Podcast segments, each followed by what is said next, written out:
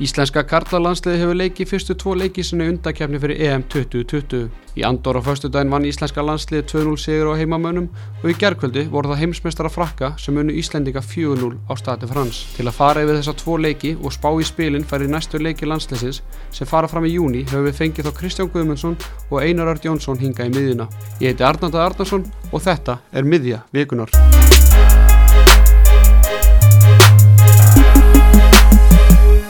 Komið þið sælir Einar Örd Jónsson og, og Kristján Guðmundsson í, í miðjuna. Takk fyrir það. Herðu, í dag þá ætlum við að fara í, í landsleisumröðu, við ætlum að fara aðeins yfir þess að fyrstu tvo leiki Íslands í undakefni EM, hvað, 2020, er það 2020 eða hvernig? Ég er ekki 2020, það er hljóma voða vel, það er bara EM út um allt. Já, EM út um allt, allstaðar. Herðu, Íslenska landslið, það leik sína fyrstu leiki í undakefninu um helgin og í gær, fyrsta leikunni í Andorra, 2-0 sigur og síðan fóru við til heimsmeistarinn í gær og, og lögum leik þar með 4-0 tapi eftir að hafa hvað verið 1-0 undir bara eftir 70 mínútur. 70 mínútur, 1-0 undir og, og búin að standast ágjöfuna svona þokkalega. Og þá, þá kemur hann að kapli sem að svona fer í, í töðunar okkur og, og, og skilur eftir uh, vondu úslit mm -hmm. Já, kannski bara byrja strax í, í Paris Andorra leikurinn var á förstæðin, við erum búin að gera hann svona upp gera það náttúrulega útastættunum á, á lögadaginn og kannski munum bara tengja umræðina inn í andóraleikin en, en hvað gerist þarna eftir 70 minnur er bladran sprungin? Já, mér sýnist það nú að bara það er komin bara alltaf mikil þreita í, í mannskapin og uh, í þessu kerfi 5-3-2 þá eru gríðilega mikil hlaup á miðjumönnum þreymur í fyrirháleik þá voru vangbakurnir ekki að koma nú framalega á, á völlin þannig að það var uh, bæði mikil hlaup út í kantana fyrir miðjumönnuna og erfitt að halda bóltamann að spila út úr fimmannlínni uh, út í vangina eða út í miðina það lagaðist í upphæði setnálegs og greinlega farið yfir það í hliðinu hjá hliðinu en, en svo bara voru menn já, bara kom það í ljós að við erum með allt og marga leikmenn inn á sem að eru bara ekki spilin og mikið með sínu liðum uh, eru líkamlega ekki nú vel á sig komnir af einhverjum ástæðum. Og það held ég að hafi bara þess vegna allt saman opnast hvort að frakkarnir bökku eitthvað frá okkur upp að setnálegs, ég er nú ekki alveg viss. En, en, en þessi mörg kom öll úr uh, ja, transitions eða svona skyndisóknum og þar eru frakkarnir sterkastir. Einar? Uh, já, Þreita Þreita, já, ekki þreita mér fannst líka einhvern veginn alla leikinni sem mann væri svona aðeins að ströggla með hvað er nákvæmlega þetta að vera og hvernig er þetta að hefa sig held að ekki margir verið þarna sem eru endilega vanir því að spila þetta og allt og margir sem er kannski bara ekki vanir því að spila mikið í setnitíð þannig að það voru svolítið skrefinu á eftir sem er rosa hættulegt þegar þú ert að spila við leikmenn sem eru til að, til að byrja með tveimur skrefum og undan þér. Þannig að mér varst að við verið elda einhvern veginn skuggana sjálfum okkur allan leikin og svo í lokin þá er einbeitingaleysi sem að kannski getur skapast af þreitu frekar en að menn séu farnar að hugsa um eitthvað annað. Og menn svona leifa sér kannski eða passa sér ekki alveg á gildrónum sem, sem að eru út um allt. Og, og leifa sér að gera hluti sem er annars myndi ekki leifa sér og ætti ekki að leifa sér. Og þá verða þessar opnarnir og á allt í hennu dúka upp frakkar út um allt dauða frýr í þessum hólum sem að voru að verða til við það að menn, menn reyðu sig rétt. Og, mm. og þreita er alveg öruglega öruglega aðalfaktorin í að einbeitingin aðeins gaf eftir í, í lokin. En eru frakkarnir ekki bara tömur númurum og, og stóri fyrir litla Ísland? Já, við verðum að fara að ákveða okkur í hvað hillu við viljum staðsýta okkur. Við tölum ána veið um það að við séum í hillu nummer eitt og, og eigum að vinna Andorra og, og ansi margi sem að tölu niður til Andorra og þar eftir gödunum síðan eigum allt í einu núna að tala um það að frakka þetta svo svakalega góðir. Við erum búin að vera í riðli með króatum uh, reyðleikennir fyrir mm, stórmóð allt og margar. Já en við höfum ekki verið að tapa 4-0 fyrir þeim. Og hvar endaði Kroatíu senist að háum aðeins fyrir neðan Frakland já ekki mikið. Nei, nei, bara öðru seti akkurat, þannig að hérna, við höfum verið ekki að tapa stort þótt að sé Frakland og þeir voru mjög góður í gær svona, já þeir spiluðu betur í gær enn í, enn í Moldavíu. Þá eigum við ekki að velja okkur það að, að, að tala um að þeir sé svo góðir og við hefum ekkert að búast við neinu öðru en þessu við höfum náðu jættibli, við höfum unni króta heima sem er í, í sömu hillu og Frakland og við viljum vera þar og þá hefur við ekki að fara að, að tala um það hvað Fraklandur eru góðir. Ef við ætlum verið þessar hillu áfram þá skulum við bara tala um það áfram. Ef við viljum vera hillu þrjú þá skulum við bara tala þannig líka. En mér að gengi liðsins, íslenska liðsins bæði þjóðadeldinu og svo í þessu leikum átti frökkum þá, þá erum við ekkert í hillu eitt lengur, einar. Nei, ég held að það sé alveg ljóst og við vorum það, við vorum búin að koma okkur ákvað með góðum leik eins og Kristján segir á móti líka stórliðan, við vorum ekki bara að vinna liðin fyrir niðan okkur, við vorum að vinna Holland, við vinnum Tjekkland, við vinnum Tyrkina náttúrulega reglulega þegar þeir voru hærra skrifaðir en, en við á, á sínum tíma og svo náttúrulega króatara þannig að við unnum okkur alveg fyrir því að vera í þessari efstu hillu eða svona já, segjum kannski neðarlega í, í efstu hillunni. Mér finnst því núna hins vegar vera svolítið að spila þetta frá okkur með því að, að, að sína ekki þessi þessi enkenni liðsin sem að koma okkur þangað sem við, sem við vorum og þar sem við kannski viljum vera þó að sé kannski ekki raunhæft að vera þar áratugum saman. En mér finnst vanta svo mikið svona þessi, þessi kannski ekki fótbóltalegu element heldur þessa, þessa samstöð og baróttu og, og netta trilling sem, sem þarf að vera.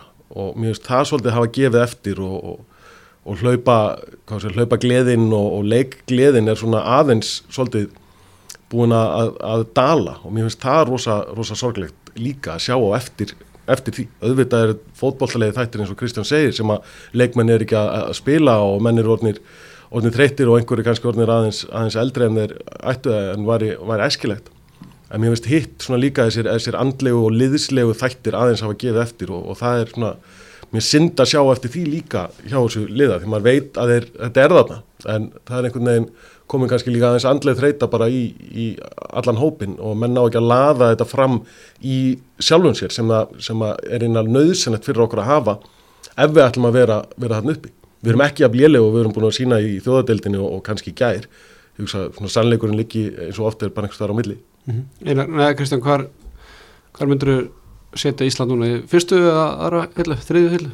Við, við verðum að hugsa áfram þannig að, að við séum í efstu hillu þannig við árangri og, þannig við næstu skrifum í þessu. Um, að fara að tala um það núna er aðeins og snemt að vera að færa okkur niður um hillu og tala hinn liðin upp. Uh, þetta er blandað því sem einan er að tala um. Það er ákveðið hugrænt og, og líkamlegt sem að er að hrjá liði þar að segja það verist hafa verið tekinn svo ákvörun að halda áfram að spila með þessa leikmenn sem að eru hafa komið líðinu á í þessa efstu hillu ef við fyrir að haldum áfram að nota mm -hmm. þá myndlíkingu. En spurningin er hvort að það sé rétt uh, þeir hafa unni fyrir því þeir leikmenn sem að, uh, hafa ekki gert þetta og eru ennþá að spila og hafa fórnað ímsu fyrir það. En þeir eru núna komnir í í aðra stöðu, þeir eru komnir í, í, í, í faðm og hlýju fjölskyldunar og, og eru farnar að hugsa um ellilífurinn þannig að, að ég tel það ramt fyrir liðið að halda þessari kynslu allir þann inni, bara til þess að gefa þeim smá klapp á bakið. Eh, það verður einhvern veginn ákvörnum það hvernig hérna, á að endunýja í liðinu, við erum með leikmenn inni sem að geta tekið við og það er greinilegt að bæði andlið þreita og líkamlega er farin að hrjá leikmenn, annarkort verða þeir að taka sér taki og fara að hugsa á annan hátt eða það þarf hreinlega að koma innspyttingu af yngur leikmennum þannig inn til þess að peppa okkar líkilmenn upp. Uh, líkamlegt ástand og, og hvað þessu lítið er spil það bara fylgir því að eldast og eldur eitthvað sem við þurfum að, þurfum að skoða. Mm -hmm. Fyrst þú komnir hingað. Þú vart að tala um kynsluskipti Kanski ekki endilega kynsluskipti en sko menn þurfa ans að fara að hugsa næstu skref, ef við horfum bara á Týrkland að, leikurinn í gær, þeir eru gríðilega ferskir. Loksins er þau búin að skipta út og konum miklu yngri leikmenn inn í liðið og mun hraðari. Og það var allt annað að sjá tyrknarska liði núna heldur í seinustu tveimur keppnum. Ég bjóst við að Tyrkina myndi eh, gera þetta í seinustu rílukeppni, gerði það ekki en er að gert þetta núna. Eh, þjóðurætni gerði þetta núna eftir þjóðadeildina. Löf bara mætti nýri í hús mafíunar og, og stimplaði þarna þrjá menn út og það er bara kannski þetta sem við þurfum að gera. Það, það, það þýðir ekkert að vera að gefa mönnum leiki núna og, þjóðaröndin sjáð englendingarnir er að gera þetta. Hollendingarnir gerðu þetta. Þetta virðist bara að vera leiði núna að það er að yngjast upp að fá hraðari leikmennin léttari og sem að kannski gefa þessum reynslumeiri mönnum smá innspyttingu en svo má sjálfsög ekki sko líta fram hjá því. Við höfum öll þessi ár talað um það að við erum örfáa toppleikmenn í liðinu og þeir þurfa allir að vera að spila og þeir þurfa allir að spila vel. Þessi grind er svolítið mikið farin eins og við gær. Að vantar senterinu sem að, sem að stóða vaktin og var að skoraði og markaðast í leikmaður sögunar og, og miðjan. Það, hún er fann að gefa eftir líkil með þar Hafsenda þeir líka og svo markmaðurinn er komin á bekkin nýri í Kazakstan. Mm -hmm. þannig að það, það má ekkit líta fram í því að við höfum alltaf að tala um það. Við þurfum að hafa ákveðin líkil menn í liðinu þeir hafa ekki verið það undanfarið, hvað ætlum við að gera? Mm -hmm. Talandum ekki bara að byrja að fara eins yfir leikinni ger og, og kannski markvarðastöðuna talar um að Hannes, hann er alltaf bara, maður getur ekki að nota orðið lítið sem ekkert, hann er bara ekkert að spila hjá sínu félagsliði er það áhugjefni og hvað er í stöðunni, er hann okkar besti markvarðar? Já, ég held að hann sé það ennþá. En kannski til langstíma er það áhugjefnin eins og Hannes saði sjálfur fyrir leikin í Andorra þá hefur hann alveg verið í þessari stöðu áður þegar hann var að spila hérna heima og þurfti að halda sér í, í standi fyrir landslið eftir hann mittist og þurfti að koma sér í stand aftur fyrir landslið. Og hann bara svolítið sér eins og sjálfur út í, í Azerbaijan, hann er ekki að spila en hann heldur sér í formi. Og ég held að við getum skrifað eitt mark á móti Fraklandi svona af stórum hluta á hann. Annars átt hann eina frábæra markvörslu hann stóð fyrir sína móti, móti Azerbaijan. Hann er að, ég held að maður geta ekkert endilega bent á Hannes eftir þessa þessar tvo leiki en kannski til, til lengri tíma litið þá náttúrulega vill maður hann sé að spila í góðu liði í, í góðri deild. Og þá kannski ekki sterkasta skrefið að koma, koma heim til Íslands en hann er þó allavega að spila ef hann kemur heim til Íslands. Og það bendir allt til þess að hann muni ég vel bara að spila í Pepsi Max deildin í, í sumar. Já, má setja þetta ef mitt bara en að svega Já, við vitum það ekki, en, en allavega þá þarf hann að fara að spila fyrst og fremst og helst úti ef hann er ennþá okkar sterkasti markmaður hver kemur þar og eftir? Er er get, ég get ekki bent á þann sem á að taka við eða tilbúin að taka við. Þannig að hérna ef að svona er staðan þá myndi ég nú ef ég verði landslýsarlægin pressa á hann að reyna að finna eitthvað lið úti. Mm -hmm. Ég held líka að við bætast við það sem Kristján var að segja það með kynnslóða breytinguna. Ég held að sé engin að tala um einhverja heilsölu breytingar að hens út og, og losa í burtu. En svona almennt þegar það er verið að endur nýja í liðum að þá þarf að gera það skulum við segja svolítið ákveðið þá þartu að gefa leikmennin tröst og þau þurfa að finna þeir sé að fá tröst til að vera sem taka við. Þegar það er reynd að endur nýja svona í, í liðum, sama hvort það er í fótbolta eða hvaða íþrótt sem er, þegar þú sérð, segir þú allar að sjá, ég ætla að sjá hvort það virki, ég ætla að sjá hérna, ég ætla að setja þig inn í liðin núna og sjá hann til hvort þú sért ekki tilbúin. Það, sem, það, það mun ekki ganga. Það sem þarf að gera er að segja við þá sem að þú ætlar nýtt og starra hlutverk, nú er þetta þitt hlutverk. Þú farið mitt óskóraða tröst í að gera gera þeim hlutan eins og var gert á sínum tíma þegar þessi kynslu okkar var, a, var að koma inn. Þannig að þeir voru ekki að lesa ef holmið sömu góðsagnir og, og þeir eru síðan orðnir, orðnir sjálfur en þeir fengu algjörlega óskorað tröst til að verða líkilmenn í liðinu. Og það er það sem þarf að gera þegar það verður verða að gera breytingar á, á leikmannhóttinu hvort séðan núna einhvern setna er þeir sem eru að koma inn fá að vita að þeir njóti tröst til að verða næstu líkilmenn mm -hmm. Og eins og kannski að vera að gera núna með að gefa leikmennum svo Arnóri Sigur og, og Alberti Guðmundssoni Algjörlega, ég meina fyrst að Kristján myndist á Jókim Löf, það er ekkert það er engin smámenni sem hann tók hann hann röldi niður til bæinn mun hér bent á Tómas Müller, Bóateng og Hummels og sagði, ykkar tími með landsliðinu búin, þrítuðir menn. Og það er náttúrulega, það er ekki gert til að vera eitthvað leiðinlega við þá, það er til, gert til að þeir sem eru að koma í staðinn finni það, þeir hafi frá landslýstjálfarinnum algjörlega 110% traust til að verða næstu líkilmenn liðsins Mm -hmm. og, og ég, það er mín skoðin að, að það er engin tím til að býða með þetta því að, því að helgin 70 eða 8. og 11. júni er algjör eru algjör leikileikir fyrir framhaldi hjá þessu liði það er þessi heimleikir mot Albani og Tyrklandi þeir þurfa að vinnast ef við ætlum að vera á toppum mm -hmm. Förum að er það í, í, í þættinum uh, hann ákveður að breytum leikirfi er í kameran, ákveður að breytum leikirfi hann hefur nú spilað þetta eitthvað en, en íslenska þjóðin kannast nú ekki vola mikið við þetta leikjörfi allavega á þessu liði. Uh, kannski er þetta að dæma út frá 4-0 tabi gegn, gegn frökkum en, en skiljiði af hverju hann hafi farið þetta? Já, maður skilur það þegar uh, sko, þeir tölu um að þeir við þurftum að vinna fyrirgjafnar háinn í tegin en líka þeir eru með svo marga háastamenn að verðast föstum leikaturinn það er eitthvað sex leikmenn sem eru tapið tveir metrar sem kom inn í teg og maður skilur það að vera að raða kannski inn í lið mönnum til að mæta því.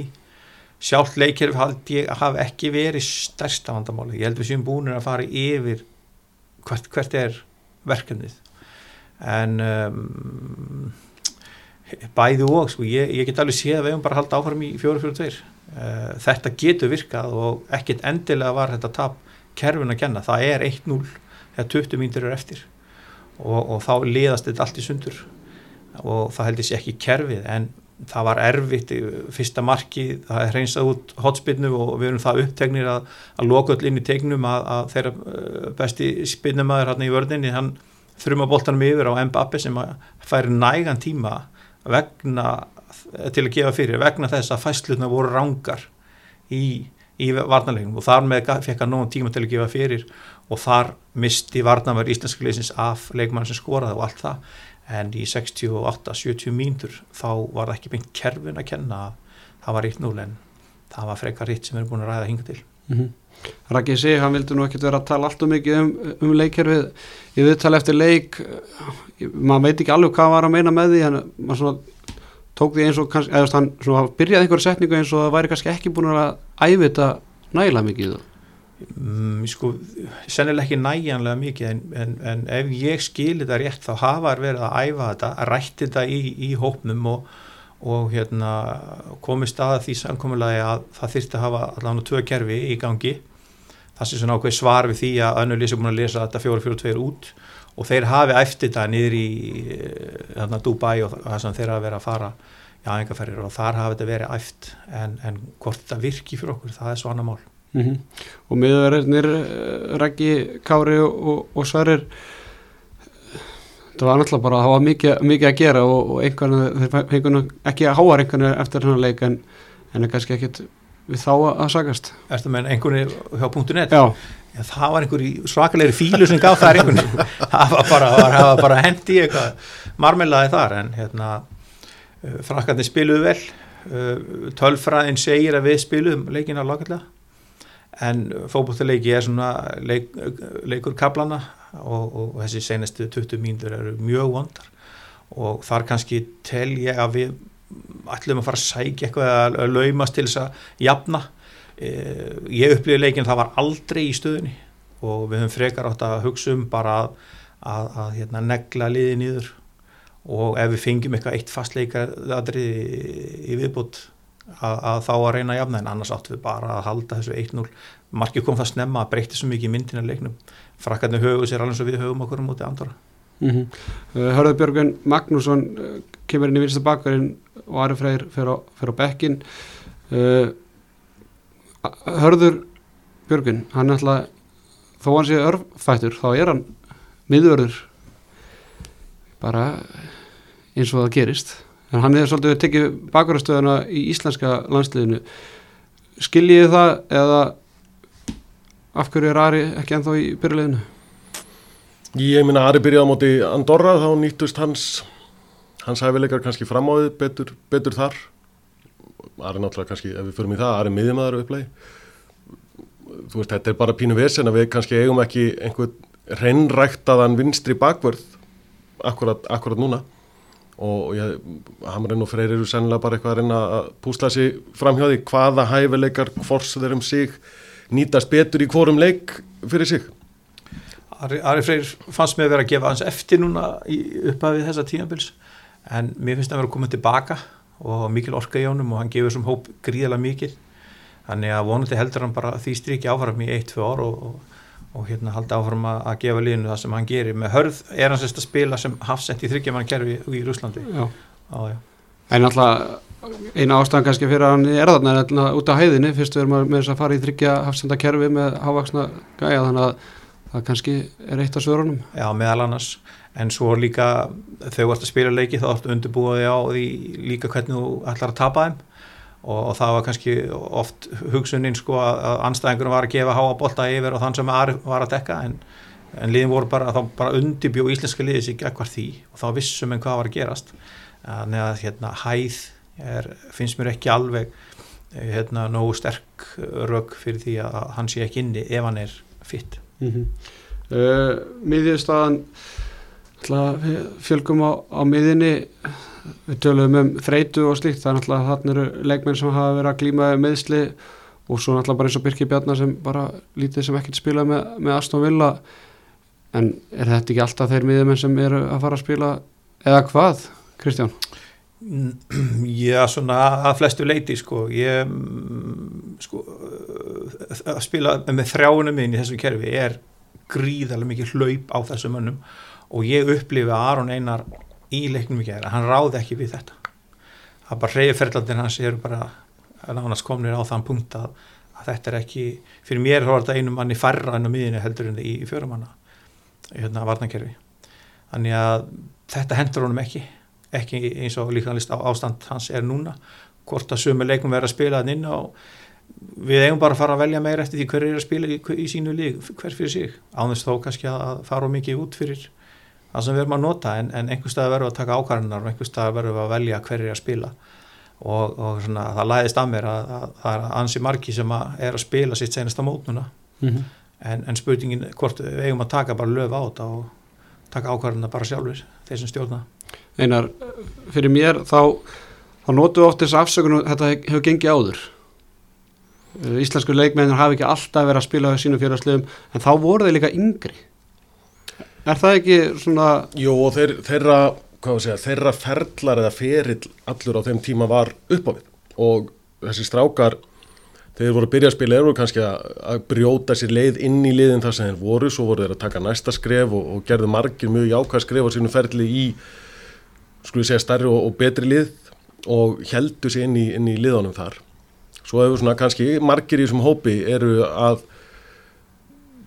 hvað segja, skipta örtum lið ná ekki að fæsta rætur, ná ekki að komast inn í, í rútínun að spila reglulega, vikulega eða tvísari viku eða, eða hvað sem að menn, menn er að spila. Þannig að það er svona bæð, það er rót á mörgum, margir ná ekki að, að koma sér í byrjunliði þar sem þeir eru og svo eru náttúrulega einhverju sem eru bara að skipta niður deildir af því að, að, að ferillinni er farin að liggja í, í þá áttina eins og gerist hjá öllum bara eftir því sem, sem að tímin líður. Og, og það er mjög hættulegt að festa sér við skulum gera eitthvað af því að það er gengið áður. Þú það er eiginlega aldrei sem að sama staðan í liðsvali eða stöðu á liðinu eða anstæðingum eða hverju er nákvæmlega sama hún var einhvern veginn fyrir einu og halvu eða, eða þremur eða fjórum árum síðan og ég samála Kristjánum við þurfum alltaf að meta stöðuna eftir hvernig hún er hverju sinni og þar með talið í hvaða, hvaða spilstandi eru, eru leikmenn mm -hmm. og þá en eigum við leikmenn til að fylla þessu skurð? Það er ákveðið spurning. Uh, ég tel nú að það séu góði leikmenn á leiðinni. Þetta er spurning um það er fáið tröst en ef við teljum að það séu ekki leikmenn á leiðinni þá eru bara búin að vera að velja ranga leikmenn í æfingahópana þegar það hafa verið að fara niður til Dubai. Þá þurfum við bara hreinlega að leita að öðrum leikmenn sem við eigum. Þannig að ég held að þar likið það ef að menn sjá ekki einhverja menn sem geta stíðið þannig en ég tel að það sé hægt að bara trúa því. Mm -hmm. Svo getur maður líka sagt sett spurninguna tilbaka þegar Óli Jó var að byrja að velja þessa stráka voru þeir þá leikmenn sem að voru endilega betri en þeir sem voru fyrir? Var ekki bara fyrir sig að þeir myndu verða betri en þeir sem voru fyrir? Og þess vegna ákvað Óli að taka þennar slag með alhanslið og 21 ásliði munið þegar að svo deila var öll, öll uppi hérna fyrir 10 árum síðan eða meira. Og, og það eru svo strákar sem að uksunni þau hlutverk að verða, verða líkilmenn en þeir voru kannski ekkit endilega betri en þeir sem voru fyrir akkurat þá. En ferlar vera voru á leðinni sikur áttina mm -hmm. uh, náttúrulega örðum fyrir áfallið þegar að Jóa Berg meðist og tilkynnt það daginn fyrir leika, hann er ekki með í leiknum og síðan náttúrulega Alfred Fimboðsson að koma tilbaka eftir meðisli og hann treysti sér ekki inn á hálftíma þannig að við náttúrulega fyrir utan þá leikmenn sem voru frá eins og Emil Hallfreðs og, og, og aðrir þá, þá missum við Jóa og við missum hérna Alfred uh, Albert Gummarsson hann er sannilega eitt af jákasta sem var í þessum leik á íslenska liðinu Já, ég er alveg saman á því, hann, hann spilaði leikin fínt, hann var mjög þreyttur undir lókin og, og við neytum til þess að taka hann út af en, en mjög jákvæmt merki hann, við reyndaðum að spila leik á hans að vera með senterinn og öllum, mér hugnaðist hann ekki alveg rosalega vel en, en, en þeir skiluðu sínu hlutur ekki ákveðlega og eins með Arnór á móti Andorra að, að mjög gaman að sjá þess að stráka að fá að spila og spurningin er bara hvort þeir ekki spila meira, það eru líka fleiri leikmenn í 21. sliðinu sem eiga möguleika en þó, þeir eru reyndar í þessum sömu leikstöðum, eru út á kontónum eða, eða undir sendir það, er, það þarf hérna einhver eh, knastbyrnustjóri knastbyrnussambansins að fara að taka í þessi mála að það þarf að fara að búið til hafsenda og, og, og fleiri miðumenn Samar þínar? Já, að mörguleiti ég meina það er alveg verið að búa til miðumenn og, og hafsenda eru kannski ekki komin alveg á það sama level og við, við óskuðins hraðin áherslan á hraða hefur verið svolítið mikil undanfarnar og, og það hefur kannski skikt svolítið á, á þá sem er ekki alveg fljóttir og, og kannski hafa aðra, aðra kosti. En við skulum bara segja að þeir séu, séu late bloomers og þeir, þeir komi.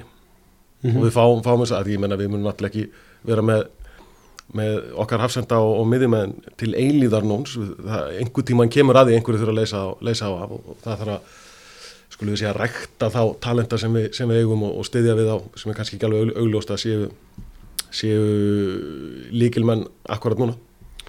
Kristján hafður áhugjör á meðalaldri íslenska leysins í leiknum í gjör þegar ég fór svona að hugsa um það já. Veistu, að- hvernig hann var? nei, hann var ég, 30,6 ára. Það er allt og hátt. Þú, það, það, það gengur ekki upp. Og Það varamannabekkur með þess að 27,6 sko. Já, þetta, þess að tölur bara segja okkur hvað er að gerast og við þurfum að, að, að hérna, ferska þetta upp bara eins og þjóður er að gera í kringum okkur. Það er bara komið tíma það núna. Við höfum ekki að býða neitt með það og við verðum bara að, að, Erik og, og Guðni verður bara að setja sig niður yfir kaffibólla og segja, heyrðu við þurfum að, breðast við þessu. Liðið er orðið of aldrað.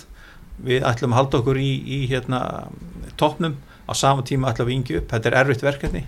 Þú fjækst þetta verkefni ég skal stiðja þig og let's go. Við þurfum að gera þetta fyrir leikina í júni mm. talandum með Erik Hamren einar svona fyrstu mánuður eða hvað er, komið ára hvernig tók hann Nei, tók, þessu í það er hvað lok- lok ágúst það ekki, ágúst ágúst. Já, við spiliðum hann í byrjun september við, við Sviss, þannig að þetta var meðan ágúst og hann var hendin í þetta Já, sko það er fullt af þáttum sem að maður segi að verði til, til refsilækunar fyrir, fyrir hann. Það fullt af hlutum sem að voru honum óhagstæðir sem að hann kannski hafði ynga stjórn á. Tíminn sem að var til stefnu fyrir fyrstu leikina. E, smáþinga eftir, eftir háum og gott gengi undanfarn ára. Líkamlegt ástand leikmanna. Allt saman eitthvað sem að Hamren hafði enga stjórn á. Mér finnst hins vegar samt líka að hann hef ekki unnið alveg nógu vel úr, úr stöðunni og svona einhvern veginn að reyna að, að þvinga fram að halda áfram með sama lið og sama struktúr og, og sömu, sömu pælingar og hafði verið gert þegar var svona eiginlega alveg ljóst að það myndi ekki ganga út af öllum þessum utan að komandi þáttum sem að, sem að hann reyði ekki alveg, alveg yfir. En mér finnst að hann hefði geta unnið betur úr stöðunni og hann verið ekki einhvern veginn á að kveikja neista hjá, hjá mönnum og, og, heldur ekki hjá einhverjum mönnum sem hann hefur þurft að henda inn í þetta vegna meðsla, meðsla annara og, og þessi taktíska breyting núna hvort hún hafi verið rétt, rétt eða raung eða ekki, en hún situr einhvern veginn á öxlunum á honum, hann gerði breytingar og við töpuðum 4-0 og það er svolítið auðvelt að benda á þjálfaran þegar svoleiðis er sérstaklega þegar gengið frá september og, og hingað til núna var bara afleitt og liðið spilaði bara mjög illa þannig til við loksins náðum að vinna, vinna Andorra en með fullri virðingu fyrir Andorra þá, þá eru þeir hundrað eitthvað sætum neðar en við rangaðir þannig að ef við hefðum ekki unnið Andorra hann hefði öllu að, að tapa í þeimleik hann hefði ekkert að vinna í, í þeimleik þannig að ég held að það gefa honum þessi, þessi landslýspása núna þessi tvei leikir koma, hann kemur út í netto mínus held ég í, í, í þessari pásu. Og, og þegar bætir því onna á að hafa ekki náð sigri í fyrstu nýju leikjónum þess utan að þá, þá var hann allavega í, í ágætis hann er svona ágætis verk að vin- vinna, að vinna sér svolítið inn í hjörtu, hjörtu þjóðarinnar og, og svolítið að ná að sparka í raskatið á, á liðinu líka Mér finnst hann einhvern veginn ekki eins og hann, hann, hann er ekki valdmannslegur í fasi, skulum við segja, eins og, eins og Lars kannski og Heimir voru, voru frekar. Hvað þyrfti hérna Erik Hamren að gera einfallega bara til að snúa blaðinu við og, og hvað ætli Erik Hamren og Freysi að hugsa núna eftir þessa tvo leiki loksins með svona sitt sterkasta liðið en samt ekki alveglega en, en ég meina það er bara, það er alltaf einhverju mittir hvað ætli þessi að hugsa eftir þessa tvo leiki? Já, það eru eins og segir, alltaf einhverjir meittir af líkilmönnunum og, og, og svo er líka spurningum með hugafar, það er alveg greinlegt að eftir HM að þá var ákveðin setta í gangi. Það bara að verða viðkynast og, og hérna ég, ég held að þeir verði bara að, að bara koma hreint fram við, við leikmannhópin og segja að, að það þurfi að gera breytingar út af þessum tveimur þáttum hann er stöða mannskapið það mikið að það breytist hjá þeim hugafærið einhverjum. Uh, og svo verður bara að líta á, á líkamlega þáttin hann er ekki lægi við skorum um móti andar á tvö mörg bæð og föstunleikadrum og það er ein, einungis í upphæðuleiksin sem við erum eitthvað líklega að skora og opna leik. En þá kom sendirinn okkar Alfred sem er langt frá sínu besta. Og, og hann, hann, hann hitt ekki tónkmarkið og, og það er svona þetta þessi merki sem er svo vond og, og hérna auðvitað veit ég það að leikmennir vilja standa sig og allt þetta en, en þeir eru bara ekki fitt til þess að standast í, standast í þessum leikum þannig að hérna, við, ég segi það aftur og að, að það þarf að sko, Erik þarf aðeins að, hérna, að staldra vinuna sem ég efast ekki um að geri og, og fronta þetta svolítið sko. Hvernig ert í sæn, sænskunni? Ég er mjög góð í Ekki hendi ykkur skilabóðum á Erika? Jú, jú, ég get gert það. En ég minna, ég hef raunar engar ágjör af þjálfurunum eða þjálfara teiminu það, þarf, það er nú komin hérna hugrætt þjálfari eða ekki líka, en það er nóg að gera í honum, alveg pottitt og, og hann verður að taka fullt af verkefnum næstu mánuðina fyrir landslýsjálfana Erik er svíi sem þýðir sjálfströst uh, borderline hróki þannig að hann, hann, hann tæklar þetta ef hann vilja En, en taki, finnst ykkur hann vera með eitthvað svona hróka, eða Nei, sko er hann ekki svolítið svona í vörn alltaf einhvern veginn í sko, ég, ég, Jó, ég sagði við náttúrulega sko reynda við erum yfirleitt að sjá viðtöl við hann á ennsku sem honum líður greinilega ekki alveg alveg jafn vel með og, og móðurmálið. Og, og ég veist ekki um að hann honum líður ekkit, ekkit 100% vel að vera að tjá sig á ennsku hvort, hvorki við fjölmjölamenn eða, eða við, við leikmenn og kannski er það einhver þröskuldur hjá honum en eins og Kristján segir, menn, menn bara vera að tækla það. Ef þú ætlar að, koma að skila bóði máliðis þá gerir þú það saman hvaða tungumálið er. Það er ekki, ég taldi það og sagði það í viðtalið við Tómas og Elvarina fyrir í vetur að, að til þess að þetta myndi ganga upp hjá Erika þá þurfti hann að nálgast svolítið leikmennina og, og taka inn það sem búið var að gera með sínar áherslu og hlusta hvað þeir myndi vilja gera til þess að, hérna, að þróa þetta áfram og klára þetta með stæl og taka nýja menn inn og allt það. Og eitt af því sem var greinlega ákveði var að hafa tvö leikjörfi í gangi. Ég trú ekki öðrun að það sé verið að spila þetta nema allir séu bara um borði í því. Uh, mér, mér síni sko Erik nálgast leikmennin annan hátt en Lass Lass var ekki mikið umgangast leikmenn Erik kemur og er mikið að ræða við þá. Og, og, og ég trú ekki öðrun að, að það sé fullt tröst þarna milli og, og hef engar aðrar ástæður til þess að halda eitthvað annað. Þannig að ég held að hann nái til leikmanna og þeir muni hlusta á hann þegar segir að hann þurfi að gera löfbreyningar mm -hmm. Einar, nú vorum við svolítið að hugsa hvað Freyr og, og Erik hugsa eftir hérna, þessa törn. Svona þitt teik á, á þessum fyrstu tveim leikjum. Er eitthvað sem komður á óvart eða var það bara svona sigur mot andur og að tapa móti Fraklandi, var eitthvað jákvæmt eða eitthvað neikvæmt sem þú svona sást í, í leiklýsins Já, ég ætla ekki alveg að fara að mála skrattan á vekkin og, það var alveg jákvæði lutir í, í báðum leikjum þó að kannski að helda niðurstæðan og auðvitað sitjum við hérna daginn eftir 4-0 tapa móti frökkum að það voru það samt heimsmeistararnir á þeirra heimavelli.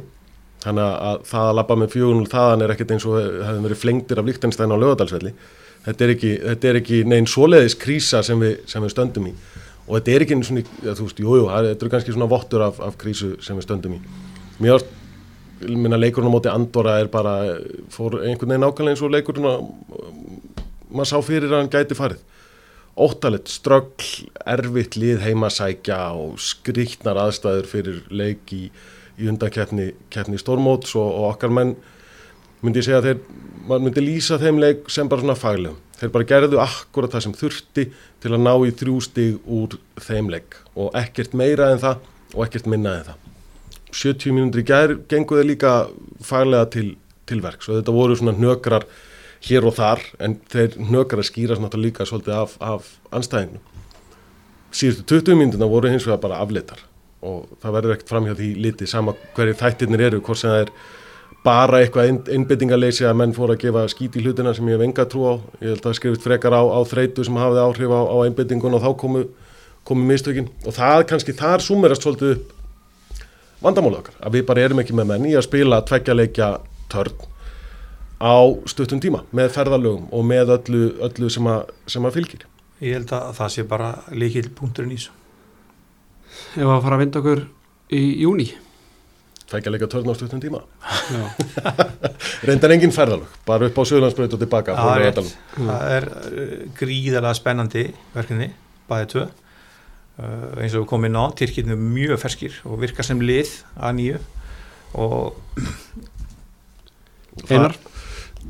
Já, og það sem er kannski líka, líka vond við það, vond, það sem er kannski ekki, ekki ef við erum ekki með okkur þar, er að tyrkja, tyrkjaleikurinn er setnileikurinn við spilum við Albaníu á, á lögadegi klukkan, klukkan eitt. Albanirnir eru sko alls ekki galnir. Þeir eru með gott lið.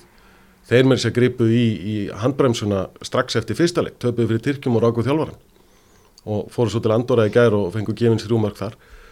Eh, þannig að Albania er skeinuhættur anstæðingur sem við höfum áðurlend í, í vandræði með, við höfum ekkert verið að ganga yfir Albaníu mikið á, á undarfærnum árum. Þeir voru á EM 2016 líka.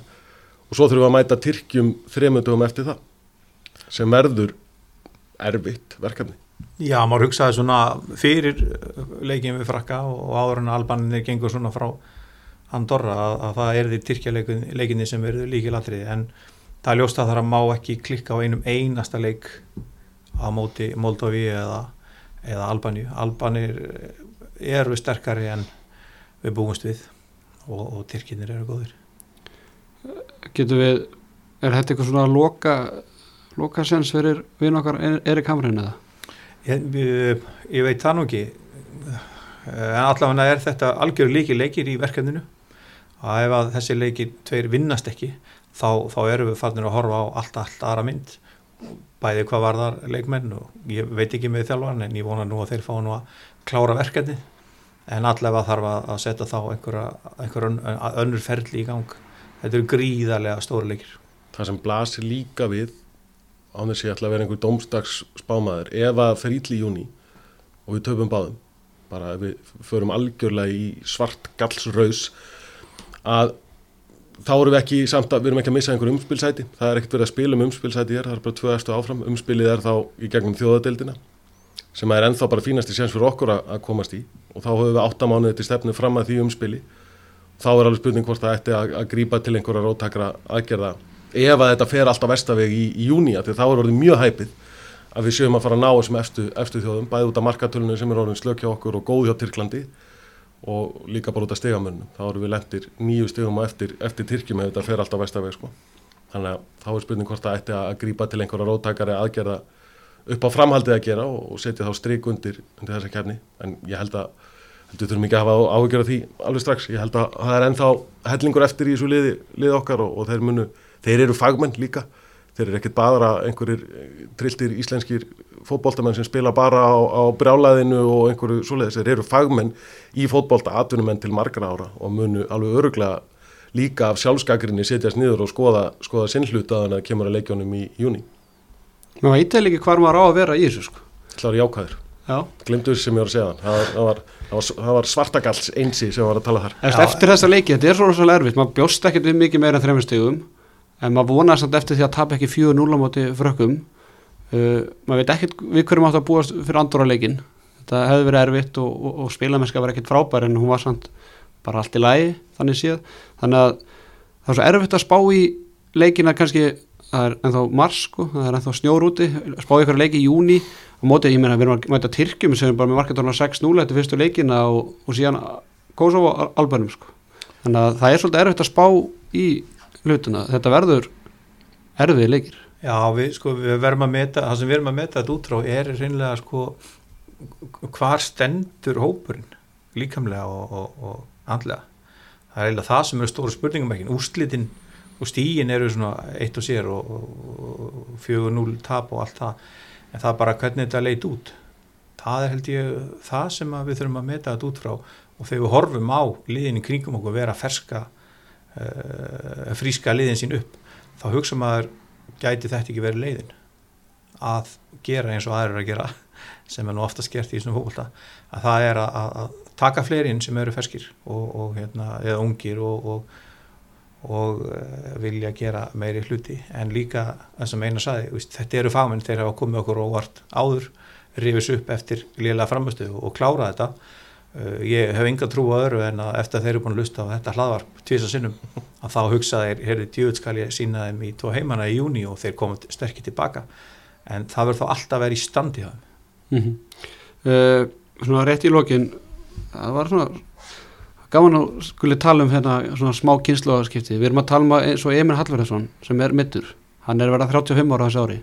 Uh, Kari Átnarsson sagði það í viðtali til leika hann býstu því að spila vikingi í sumar. Uh, Aron Einar var að semja velið í, Katar. Eru þetta leikmenn sem er að fara á EM 2020 eftir rúmlega tvö ár segðu þetta bara upp átt Nei, veistu, ég, ég býst ekki við því að, að, að, að þeir séu að gera það en þeir vilja kannski skila liðinu ánga og, og, og eru að reyna sitt besta til að gera það og með þeir eru valdir í þetta þá, í hópinu þá gera, reyna er allt sem þeir geta til þess. Spurningin er bara, er líkamlegt og andlegt ástand klart í það og, og ef þeir telli sig vera það og þjálfvarnir velja það þá er það líka að setja upp leikin þannig að þeir geti klára sómarsamlega mm, Einar, eru þessi kallar að fara fyrstulega að koma okkur á EM og í öðru lagi að fara að spila á, á EM. Æ, veist að maður á aldrei að segja aldrei. Það, maður hefur séð alveg ótrúlegustu hluti gerast í Íþróttum og kannski eða fyrst þú nefnir þessa þrjá og þá myndi ég kannski segja nei þeir verða ekki allir. Ég meina Birkjum að Sæfarsson sem þá verður búin að spila sko í þrjú eða fjögur tíðanbili pefsteldinni Hannes sennilega komin aftur heim. Er, er staðningi þannig allar fyrir mér að það er svo ótrúlega stutt í EM. Tækifærið er svo mikið fyrir okkur. Það er gegnum þetta eða sko í gegnum þjóðatöldina ef þetta væri eitthvað svona lengri vegur í EM þá kannski væri búið að taka einhverja breytingu.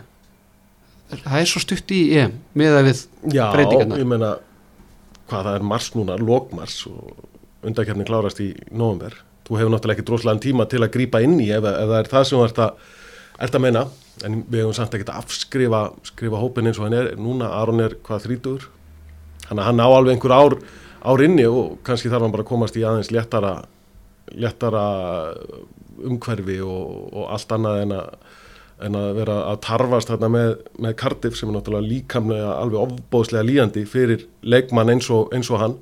Þannig að kannski hefur hann bara gott að því að spila hans færri leiki og er þá feskari og, og svo framvísingin Fabul er alveg, alveg fram, og, fram og tilbaka og Emil er náttúrulega komin af léttasta skeiðinu fræga en það er engin beinlinni sem að getur bent á að sagt að sé að slá hann út heldur eins og, eins og staðan er akkurat, akkurat núna.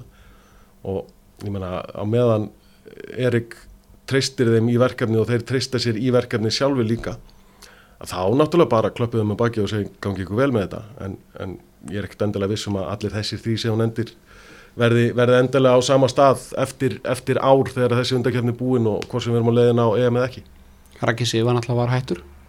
Viðar var hættur, svo hættan við að hætta við að hætta við. Já, já, þeir eru búin að, ég minna Raki var fín í þessum tveimleikjum og, og Viðar loksins stimplas inn þegar hann fekk aftur tækifærið og, og, og það er kannski verið það sem er vandamáli í honum og þegar hann hefur komið inn þá hefur hann ekki klára leikin en núna bara smelt hann inn einu og það er gott og það er svona sem að menn fyrir að bregðast við hvað verður eins og eina segir. Þetta eru hörku töff gæjar þessi landslismenn nú bara koma þeir inn og sína okkur hvað ég geta áfram. Svo hefur við einn inni sem heitir Kolbjörn Sigþórsson. Já, hvað sem verður með, með hann. Það var nokkurt verra ef hann kemist í sitt gamla, gamla stand.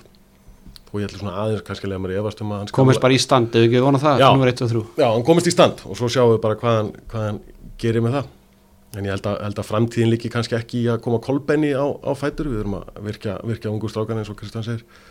Og þeir komi inn og, og kannski að, að kraftirinn og ferskleikin í, í nokkrum ungum strákum kveiki aftur kraftin og ferskleikan í, í mörgun sem er orðnir aðeins eldri og, og kannski, kannski er aðeins, aðeins vanafastar í, í sínum hlutum. Og oft, er, oft þartu kannski einn, einn ungæðing inn til að sprengja þetta eins upp. Það eru bara rétt í, í, í lokin við erum að gefa hérna Erik Hamren og, og Freyr Alessendur sinni engun í tíu fyrir fyrstu mánuðu sinna í, í starfi sem þjálfara íslenskar landslisins með allar breytur og, og sem þeir hafa lendi í og hitt og Þetta. er þetta ekki lítið með þér Viltu bókstafið? Það skilur engin bókstafi einhvern veginn hvort þið er. ABCD Ég er og Ég horfa á einhvern spjöld barnanum minn, ég skil ekki neitt. Verkefnið sem þeir eru í er þvælið. Uh, það er, þeir eru að taka við liði sem búið sér gríla vel uh, mikið til saman mannskapurinn að spila leikina skipti miklu máli að líkilmenni væru til staðar og væru að spila vel.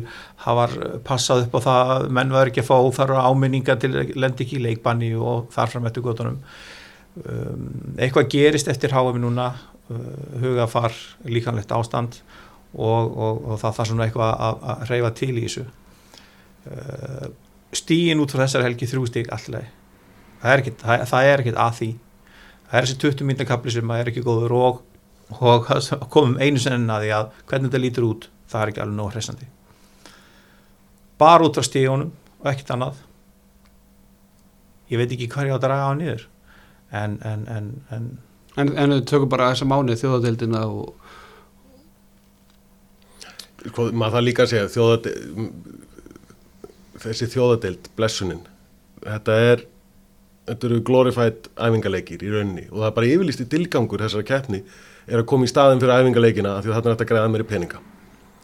Og við skulum ekki vera að setja allt uh, að lesa og mikið í hvernig liðið var að standa sér þessari þjóðadeild. Já þeir voru lélegir, já þetta voru fyrsti leikinir eftir háum og allt svo leiðis en einhvern tíma þurfum við líka að segja bara að þetta er það sem það var og bara móka þessari þjóðadeild áttu fyrir okkur og horfa á, á staðan, stöðun eins og hann er núna og framhaldið þannig ég ætla ekki endil, ég ætla ekki að taka Erik og, og Frey og eitthvað að segja að þeir á ekki staðið sér nógu vel að þessi þjóðadeild fór illa.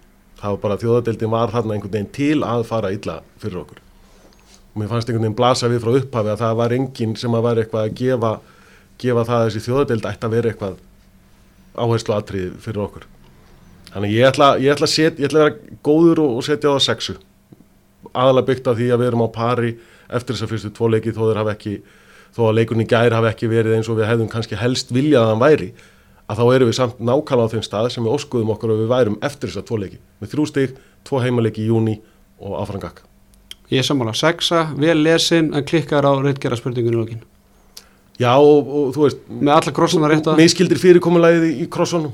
Bara það var, þú veist, það er tvöfaldur frádráttu fyrir rángan kross og menn miskildu það en nú er bara, nú er komin alvöru törn og, og mér finnst þetta en, ennþá vera á kúrs með þess að þess að tvo leiki sem við erum búin að sjá núna. Þá hendi ég bara í áttu. Nú, og, og hérna þjálfara mafían? Já, já, Ha? og, og segja að, að, að þeir eru eftir að skilin stuttur ekki að spurningunni herðu við höfum þetta loka orðið hérna í miðin á þessari viku. Einar Örd Jónsson og Kristján Guðmundsson takk hjá fyrir komuna